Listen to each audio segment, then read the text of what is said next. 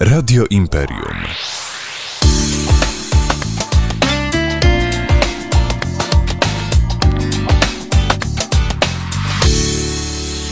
Jeszcze więcej Gliwic. A w popołudniowym programie jeszcze więcej Gliwic, wywiadówka e, po godzinie 17.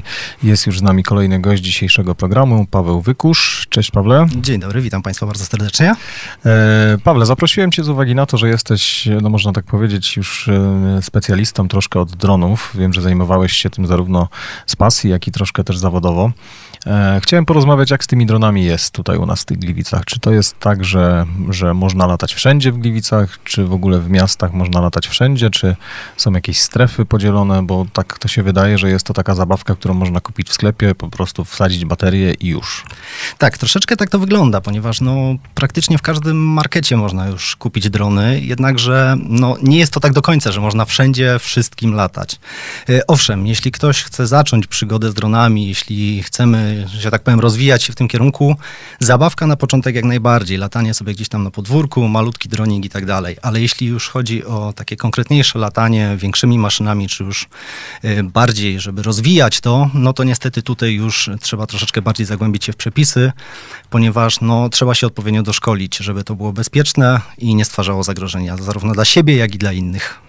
Czyli nawet na tych dronach kupionych, y, no na Ale Drogo, czy, czy na jakimkolwiek innym serwisie, czy na przykład w sklepie, również trzeba mieć jakieś pozwolenie, czy, czy jeśli wykonuje się to, nie wiem, dla pieniędzy na przykład? Trzeba mieć nie, wszystko zależy tak naprawdę, co kupujemy i co, czemy, co chcemy robić tymi dronami. Jeśli jest to jakaś zabawka malutka, rzędu do 250 gram, tutaj niestety w dużej mierze posługujemy się wagą, wagą drona. Tak, tak, tak.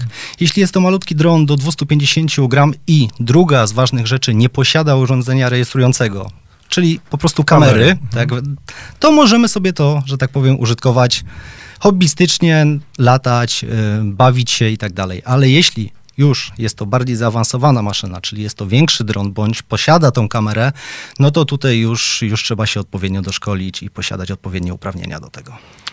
A jakie to uprawnienia? Czy to tak jak na rower trzeba mieć kartę rowerową, to, to na drona trzeba mieć kartę dronową, czy, czy są... Coś... Kto to reguluje w Coś ogóle? w tym stylu. Y, jeszcze do zeszłego roku było to tak zwane świadectwo kwalifikacji. Trzeba było przejść odpowiedni kurs, zdać odpowiedni egzamin państwowy.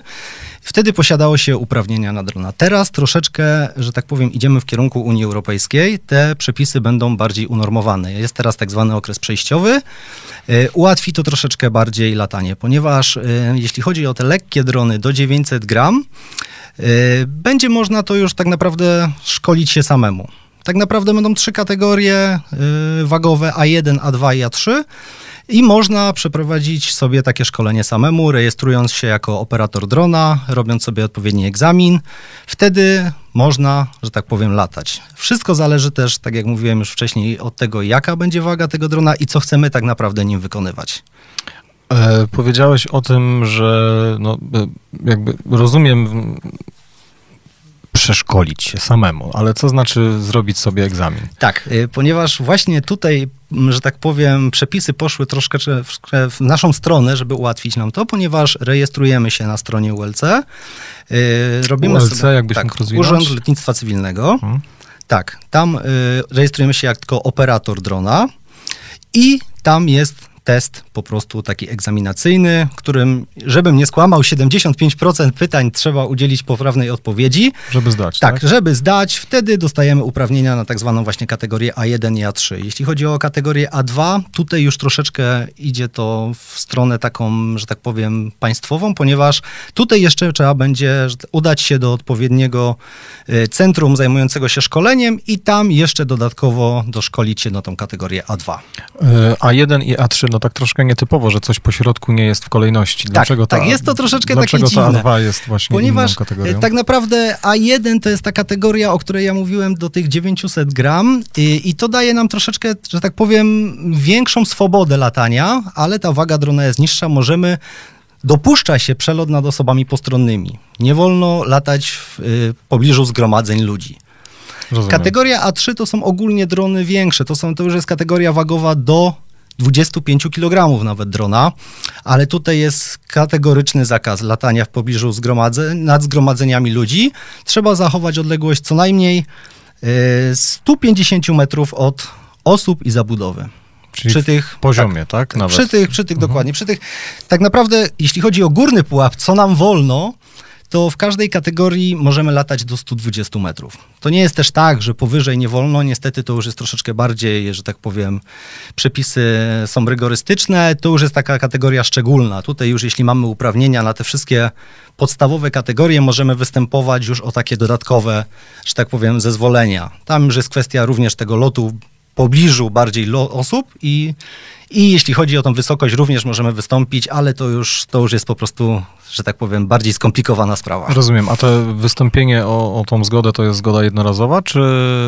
To już- Czyli mamy, damy, dajmy na to, mamy jakiś projekt, tak? W danym dniu i planujemy sobie loty e, w konkretnym miejscu i to jest jedna zgoda, czy trzeba tą zgodę uzyskiwać za każdym razem? To już jest tak naprawdę kwestia, jak piszemy scenariusze. Są również różne scenariusze. To już jest, że tak powiem, troszeczkę bardziej skomplikowana sprawa, a tam już jest kwestia tego, co chcemy robić, kiedy chcemy robić. E, To już są również loty bardziej zaawansowane typu em, bardziej autonomicznego, czyli są to drony, które, że tak powiem, mają już zaprogramowany lot i to już są właśnie te wyższe kategorie. Tam już dokładnie precyzujemy, co w jakim okresie chcemy wykonywać. Rozumiem. Taka podstawowa kategoria y, NTSS 1, y, no to tutaj akurat daje nam to w dłuższym okresie czasu tą zgodę. Tam już jest, że tak powiem, określone, że musimy zachować bezpieczną odległość od ludzi. Y, No i daje nam to tam większą swobodę takiego właśnie komercyjnego, zarobkowego latania już po prostu na, na różnych wydarzeniach. Rozumiem. A jeszcze chciałem zapytać o tą kategorię A2. Dlaczego ona jest taka, że trzeba gdzieś się udać dodatkowo? Y, Tutaj, no wiadomo, ta kategoria wagowa już jest troszeczkę bardziej niebezpieczna i tutaj y, możemy jak gdyby troszeczkę bliżej, jeśli chodzi o odległość od ludzi przebywać. Tutaj już jest określana ta odległość do 50 Rozumiem. metrów. Aha, po prostu czyli tutaj trzeba zachować Tak. większą ostrożność po prostu dla bezpieczeństwa. Dokładnie. Tu już trzeba się, że tak powiem, dodatkowo doszkolić. No to troszkę z tej e, materii, że tak powiem, przepisów e, mini lotniczych mamy za sobą. Z nami jest Paweł Wykusz. Rozmawiamy o dronach w Gliwicach. Zostańcie z nami i wracamy po krótkiej przerwie. Radio Imperium.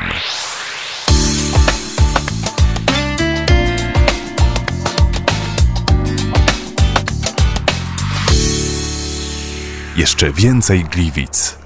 A w popołudniowym programie Radia Imperium witamy ponownie i wywiadówka o 17 startowała z nami Paweł Wykusz e, i rozmowa o gliwickich dronach. E, Pawle, powiedz e, z tymi dronami nad naszymi głowami.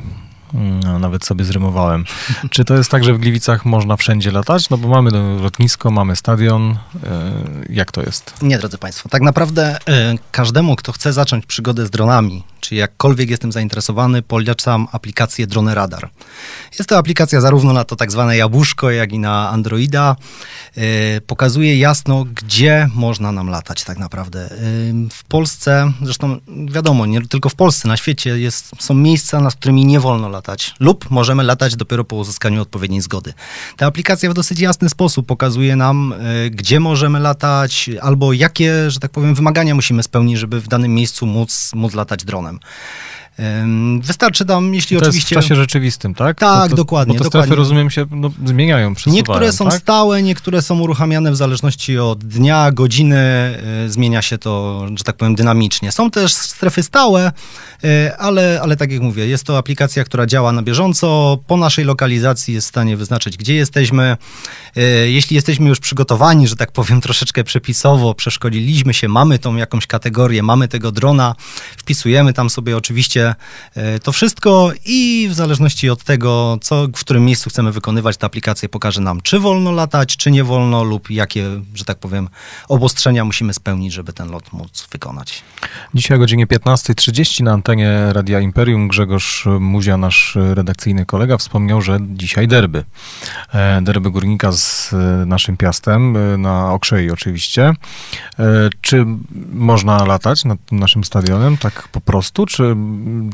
No bo wiesz, no gramy bez publiczności. No może ktoś wpadł na pomysł, że chciałby po prostu na chwilę chociaż e, zobaczyć te emocje, jeśli nie, nie chciałby tego robić w telewizji. Teoretycznie tak, ale drodzy Państwo, pamiętajmy o jednym. e, Z takimi meczami wiąże się również przygotowanie audycji e, całej telewizyjnej. Wiąże się to również z przelotami dronów, z przelotami helikopterów, naprawdę ryzykiem. Zdarzają się sytuacje, gdzie ludzie zapuszczają się tymi dronami nad wydarzenia, nawet gdy były to mecze z publicznością.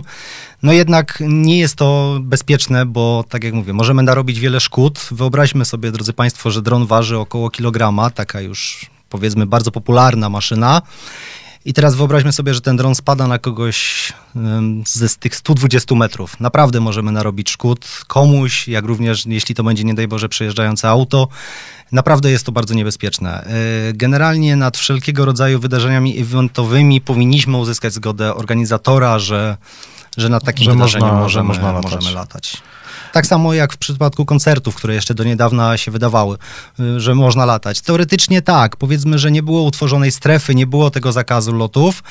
Jednocześnie nie, bardzo często organizatorzy informują, że no, jest to zgromadzenie osób, jest to zamknięte zgromadzenie, że powinniśmy jednak no, No, uzyskać. Tak, jest to, jest to na pewno bardziej, bardziej ryzykowne. Na przykład na naszych gliwickich juwenaliach no, osób zawsze jest e, mnóstwo, więc no, większe prawdopodobieństwo jest, że ten dron jednak uderzy w kogoś niż trafi w, puste, w pustą przestrzeń, prawda? Gdzieś spadając. Tak, dokładnie. Tym bardziej, że musimy się liczyć z tym, że to też nie jest tak, że mm, ten dron w miejscu, w którym jest, poleci bezpośrednio na dół. Jeśli jest w trakcie lotu, to położenie również się Tak, zmienia. też siłę to dalej jest elektronika, drodzy Państwo. To zawsze może jednak ulec gdzieś jakiejś awarii, no i niestety może narobić szkód.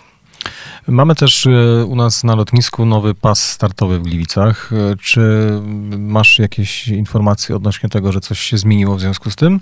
Czy tam w ogóle, no, jak sądzę, no nie można latać nad lotniskiem, prawda? Y, Teoretycznie tak. Jeśli chodzi o lotniska sportowe, mm, zdarza się, że są to lotniska, które po prostu działają w określonym czasie. Tak jak, tak jak do niedawna było w Gliwicach, to już się chyba zmieniło, z tego co pamiętam, teraz ta strefa jest już cały czas aktywna.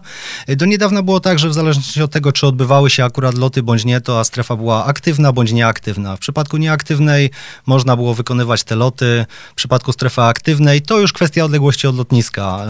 W niektórych miejscach można wykonać, jeśli jest to dalsza odległość, w niektórych wymaga to, że tak powiem, koordynacji z przedstawicielami lotniska. I to też sprawdzimy sobie na tym drone radar, tak? Dokładnie, dokładnie. Tą- tą tam, tam na ten moment, mówię z tego co pamiętam, nasza strefa jest aktywna cały czas. To już jest też, tak jak mówiłem, kwestia tego, czym chcemy latać, gdzie chcemy latać. I w niektórych miejscach będzie to wymagało koordynacji i uzyskania zgody ze strony naszego lotniska. A powiedz mi taką rzecz jeszcze, bo też mnie to ciekawiło zawsze. Gdzieś widziałem, e, znaczy, czy w ogóle są jakieś przepisy, które to regulują poza zdrowym rozsądkiem.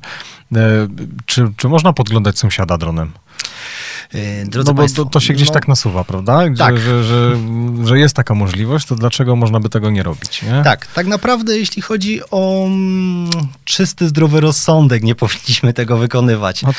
Strefa powyżej najwyższego zabudowania jest już strefą ogólnodostępną. Jeśli nie ma tam żadnych zakazów, no przelatywać możemy, drodzy Państwo. No, wiąże się to czasami z naszymi obowiązkami, z tym zadaniami, które akurat wykonujemy, no ale jeśli robimy to, że tak powiem, w perfidny sposób, latamy komuś przed oknem, czy ewidentnie filmujemy go bez jego zgody, no to, no to już jest już kwestia tak czy siak wizerunku tej osoby. No to, to już powiedzmy czysty, zdrowy rozsądek zabrania nam czegoś takiego. Jeśli jest to element operacji, przelot tylko nad takimi zabudowaniami, a nie mamy tam żadnej strefy, możemy dokonać takiego lotu, ale no szanujmy też czyjś czas. Prywatność I, dokładnie, innych, i prawda? prywatność innych. Dokładnie. E, tak myślałem, że, że, że właśnie taka będzie twoja odpowiedź. Powiedz mi jeszcze, jak można wykorzystać takiego drona na co dzień? No bo zakładamy, że no, mm, z pasji chcemy sobie kupić takiego lepszego drona, tak? który ma to urządzenie rejestrujące. E, nauczyliśmy się już latać, tak? Hobbystycznie polataliśmy kilka weekendów, e, jakby doszliśmy do wprawy. Czy, czy jest jakaś możliwość zarobkowania takiego, które może nam no, przynieść jakieś korzyści materialne w postaci po prostu zarobionych pieniędzy? Tak, jeśli chodzi o branżę dronów, idzie to bardzo do przodu, bardzo się rozwija zarówno hobbystyczne latanie, jak i faktycznie zarobkowe. Wiadomo, hobbystycznie Proszę mi uwierzyć, drodzy Państwo, no niektóre miejsca z perspektywy powietrza wyglądają całkiem inaczej niż to, co widzimy z Ziemi. E, wygląda to dużo piękniej, potrafi czasami zaskoczyć to ujęcia dla samej frajdy, ale również, również zarobkowo. E, coraz częściej są wykonywane pomiary działek, e, jeśli chodzi o drony. Inspekcja, o czym już Państwo pewnie nieraz słyszeli, u nas w Gliwicach również się odbywają inspekcje kominów, tego czym, tak, dokładnie, tak? czym palimy i tak dalej. No, no i... To akurat bardzo dobre rozwiązanie, bo sam mieszkam przy lesie i E, no, jest to uciążliwe, więc... Tak, dokładnie. E, ale również filmowanie. Dron to nie tylko fotografia, czy tylko przelot, że tak powiem, dla, dla tego, żeby zobaczyć, co się dzieje, ale również filmy. Coraz bardziej też w kwestii kinematografii rozwija się to również, że używamy dronów do, do pokazania czegoś. No właśnie, kiedyś takie, takie ujęcia wydawało się, że muszą być maksymalnie skomplikowane z użyciem helikopterów, śmigłowców. E, no teraz wystarczy małe urządzenie, które no, robi takie same ujęcia, a czasami nawet no, dużo lepsze, dużo szybsze, tak? No bo jest szybsze niż śmigłowiec i operowanie tym, tym małym urządzeniem jest no, dużo bardziej precyzyjne, prawda? No, nie oszukujmy się, profesjonalne maszyny, y, takie już, że tak powiem, z, tego, z tej górnej półki y, latają również z aparatami, lustrzankami, aparatami cyfrowymi. To już naprawdę są ujęcia no, bardzo bardzo precyzyjne, bardzo dokładne. No i kamery też już tak naprawdę idzie to do przodu, ta technologia się rozwija, ta jakość obrazu jest coraz lepsza coraz lepsze aparaty są montowane w tych dronach i jest to też już również wykorzystywane w coraz szerszym spektrum. No, dron jest mniejszą zabawką, na pewno, że tak powiem, tańszą w utrzymaniu niż, niż taki niż, helikopter. Niż tak. Dokładnie. Możemy się doszkolić, możemy sami gdzieś tam używać tego zarobkowo, dlatego no, rozwija się ta branża na pewno. Idzie to w dobrym kierunku, coraz więcej dronów zresztą widzimy na niebie. Ważne, żeby podchodzić do tego z głową. Bezpiecznie, przede wszystkim być przeszkolonym, e, wiedzieć, co nam wolno, czego nie, no i zachować naprawdę należy tą ostrożność. A co ciekawego w Gliwicach? No bo latasz tymi dronami już no, kilka lat, tak? Z tego co wiem. E, co ciekawego warto zobaczyć? Albo które miejsca są ciekawe do tego, aby nad nimi przelecieć i wykonać czy to film, czy to fotografia, jeśli chodzi o nasze miasto? Tak naprawdę wszystkie. No, całe nasze Gliwice są piękne, więc e, no, to już jest kwestia własnej wyobraźni. Radiostacja wygląda całkiem inaczej z perspektywy powietrza. Port no, całe centrum, że tak powiem, miasta, no, możemy wykorzystać to dowolnie tak naprawdę. Własna, własna ulica, własne miejsce zamieszkania z tej perspektywy powietrza może już wyglądać całkiem inaczej. Także tak naprawdę no, tylko wyobraźnia ogranicza nas przy tym, co możemy zobaczyć z tej perspektywy z powietrza. E, mam taką ciekawą historię, wprawdzie nie związaną z dronem, ale też widokiem z, z góry. E, kiedyś wysyłałem paczkę do jednego z, z osób też z popularnego serwisu. E, po czym on sprawdzając sobie na mapach Google, no, gdzie mieszkam, gdzie jest ten adres nadawcy, zadzwonił do mnie i powiedział, że e, a, było to mniej więcej w okresie, kiedy powstał taki film Znaki, nie wiem, czy pamiętasz? Tak, tak. Jak e, I zadzwonił do mnie i powiedział, czy ja widziałem, co w tym moim lesie jest. E, no chodziło o las właśnie przy Toszeckiej. E, tam są drogi czołgowe w kształcie takich kluczy jakby tak. okrągłych. I to też właśnie, no, no on prawdopodobnie zobaczył to na, na mapach Google, ale no też tak takie fascynujące rzeczy, o których praktycznie no, chodząc po, po mieście, czy chodząc po, z poziomu chodnika, no, no nie widać, tak? No i pewnie o takie widoki też chodzi. No tutaj wspomniałeś o porcie gliwickim. Też e, prawdopodobnie port e, w nocy już w ogóle oświetlony musi z góry wyglądać naprawdę fascynująco. Dokładnie, drodzy Państwo. No i tak tylko tak jak mówię, no wszystko kwestia zdroworozsądkowego podejścia. Nie zapędzajmy się, też nie, nie róbmy tutaj zamieszania, nie zapędzajmy się na te znaki, żeby ktoś się nie zapędzał. Tam już jest strefa też wojskowa. Ja właśnie to, to, Trzymać się lepiej, bezpiecznie, tak, czy... żebyśmy sobie kłopotów nie narobili. Ale tak, faktycznie ta perspektywa z powietrza wygląda całkiem inaczej. Może zaskoczyć, warto eksperymentować, warto próbować co tylko jest w Gliwicach, można obejrzeć z powietrza. E, to porozmawiajmy jeszcze o tych dronach w kontekście takim bardzo mocno komercyjnym. Wiem, że były swego czasu informacje, że chyba Uber będzie dostarczał różne rzeczy. E, wiem, że no, też znana duża firma, która ma magazyny przeładunkowe w Gliwicach, będzie chciała dostarczać paczki dronami, e, a w Dubaju miały pojawić się dronowe taksówki. Dwa tygodnie temu chyba był u nas pan Dariusz Kulik, kapitan Dariusz Kulik z kanału Turbulencja, no, który to stwierdził, że no, na tą chwilę drony no, chyba jeszcze nie będą woziły ludzi, a to z prostej przyczynę, że są bardzo mało wydajne energetycznie, prawda? Więc możesz tutaj dwa słowa o tym, y, jak te drony często trzeba ładować, czy, czy, czy faktycznie trzeba mieć, nie wiem, 15 baterii, żeby wykonać jakiś porządny film, wszystko tak naprawdę kwestia tego, co chcemy pokazać, jak dużo chcemy pokazać. Standardowy taki powiedzmy zakres tych dronów takich najbardziej popularnych to jest taki gdzieś mniej więcej od tych powiedzmy 15 do 40 minut. Wszystko jest też kwestia tego, jakie mamy warunki w danym momencie, bo wiadomo, że jeśli te warunki będą gorsze, będzie wiatr, no przy silnym wietrze nie polecam latać nikomu. E, jednak nawet jakieś tam drobne podmuchy wiatru, no wpływają na to, że, że to zużycie energii jest większe, ten dron ma większe opory, e, na pewno szybciej ta energia spada Taki zakres gdzieś od 15 minut do tych 40 to jest taki najczęściej spotykany tego lotu, taki, taki średni czas powiedzmy. A czy można latać w deszczu? Nie, jak najbardziej nie wolno. Elektronika, jakiekolwiek zalanie może ulec uszkodzeniu. No dobrze, a co, co, co się w sytuacji może, z, znaczy jak zareagować, też może taka dla naszych słuchaczy podpowiedź. E, no wiadomo, że deszcze czasami przychodzą nagle, tak? I to czasami dzieje się tak, że w jednej dzielnicy Gliwic jest piękne słońce, a, e, a w drugiej po prostu oberwanie chmury, które przyszło dosłownie w 15 sekund. E, no jak się tak jak, jak się zachować? Te drony mają jakieś awaryjne systemy, nie wiem, powrotu do, do bazy tak zwanej, czyli, czyli do nas w jakimś awaryjnym trybie szybszym, czy trzeba tego drona jak najszybciej sprowadzić na ziemię? Wszystko kwestia tak naprawdę czym latamy, tak jak mówiłem. Są drony zabawkowe, które nie są wyposażone w żadne systemy. Jest ciężkie sterowanie nimi, ale dobrze spróbować od takich, bo jeśli opanujemy latanie taką maszyną, na pewno łatwiej nam będzie opanować maszyny już z takimi bezpieczniejszymi systemami. Drony są wyposażone w dosyć e, już zaawansowane technologie, dlatego no, rzeczy typu powrót do domu tak zwanego, czyli to miejsce, z którego startujemy jest. Jak najbardziej najbardziej. Tak samo te, te lepsze już maszyny są wyposażone w takie systemy w przypadku, że tak powiem, końca energii. Yy, kalkuluje sobie czas, jaki jest mu potrzebny do powrotu do miejsca startu i w przypadku, gdy gdy ta energia już się kończy, on zasugeruje nam lub sam uruchomi tryb powrotu. Czyli to nie jest to... tak, że jak mu braknie u góry baterii, to po prostu spadnie, tylko nie, jest jakieś jest zabezpieczenie. Też, tak, ale tych... to jest też kwestia tego, co, co chcemy ustawić, że tak powiem, w zabezpieczeniach, bo możemy ustawić to, że on właśnie wróci lub w tym danym miejscu zawiśnie lub w tym danym miejscu, w którym jest on po prostu wyląduje. Wiadomo, nie jest to wskazane, jeśli będziemy gdzieś dalej od siebie, nie jesteśmy w stanie dokładnie sprecyzować, co to za miejsce, w którym on wyląduje, ale najważniejsza kwestia latanie w zasięgu wzroku. Cały czas musimy mieć kontrolę nad, nad maszyną, którą latamy, no chyba, że już są to te bardziej zaawansowane kategorie, y, szczególne, gdzie, gdzie są te loty autonomiczne. E, no to na koniec, bo zbierzemy się do godziny 17.30. Chciałem zapytać, czy myślisz, że kiedyś będzie coś takiego jak mm, tablica rejestracyjna dronów, że, że drony będą rejestrowane w jakiejś formie takiej, żeby potem można było ewentualnie ustalić? No bo tych dronów jest coraz więcej, jak powiedziałeś. No i pewnie nieuniknionym jest, że, że wcześniej czy później zacznie dochodzić do jakichś wypadków. E, czy to zdarzenia dwóch dronów gdzieś, gdzieś w powietrzu, no przez przypadek, jeśli się spotkają. E, czy to na przykład, no, jakiś dron uszkodzi ciało albo nie daj Boże coś coś gorszego e, zrobi z człowiekiem, który jest na Ziemi. No jak to wygląda w kwestii na przykład rejestracji i ubezpieczeń takich dronów? To już jest, drodzy Państwo, bo tak naprawdę rejestrując się jako operator drona, mamy obowiązek naniesienia tego numeru y, operatora drona na posiadaną maszynę.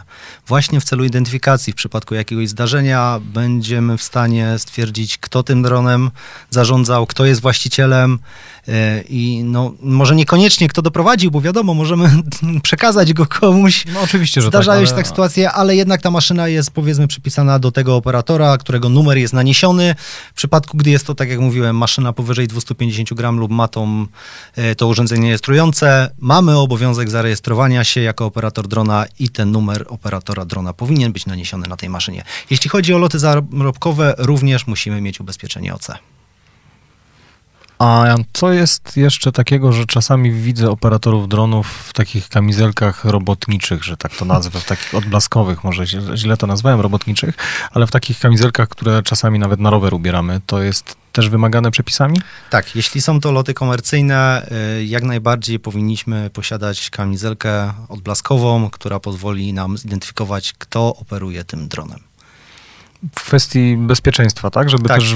Jest to również tak zwany przyciągacz, ponieważ najczęściej wiąże się z tym, że jeśli widzimy drona, mnóstwo ludzi widząc również tą kamizelkę wie, kto tym dronem steruje, no i mamy wtedy, że tak powiem, 100 pytań do, co nie jest też bezpieczne, ponieważ no wiadomo, Trzeba się skupić to dokładnie, na- na- jest to zobowiązanie. Jeśli jesteśmy ciekawi, na pewno nie jeden operator pomoże, ale dajmy mu wykonać tę operację. Niech on wyląduje bezpiecznie, wtedy możemy porozmawiać, dowiedzieć się coś więcej o tym. Super. Moi drodzy Państwo, moim gościem w dzisiejszej wywiadówce w Radiu Imperium był Paweł Wykusz. Pawle, bardzo Ci dziękuję za dzisiejszą wizytę i mam nadzieję, że no, odwiedzisz nas jeszcze nie raz, nie dwa i, i posłuchamy o ciekawostkach z dziedziny tego mini lotnictwa. Dziękuję bardzo i tak jak mówiłem, drodzy Państwo, latajmy bezpiecznie.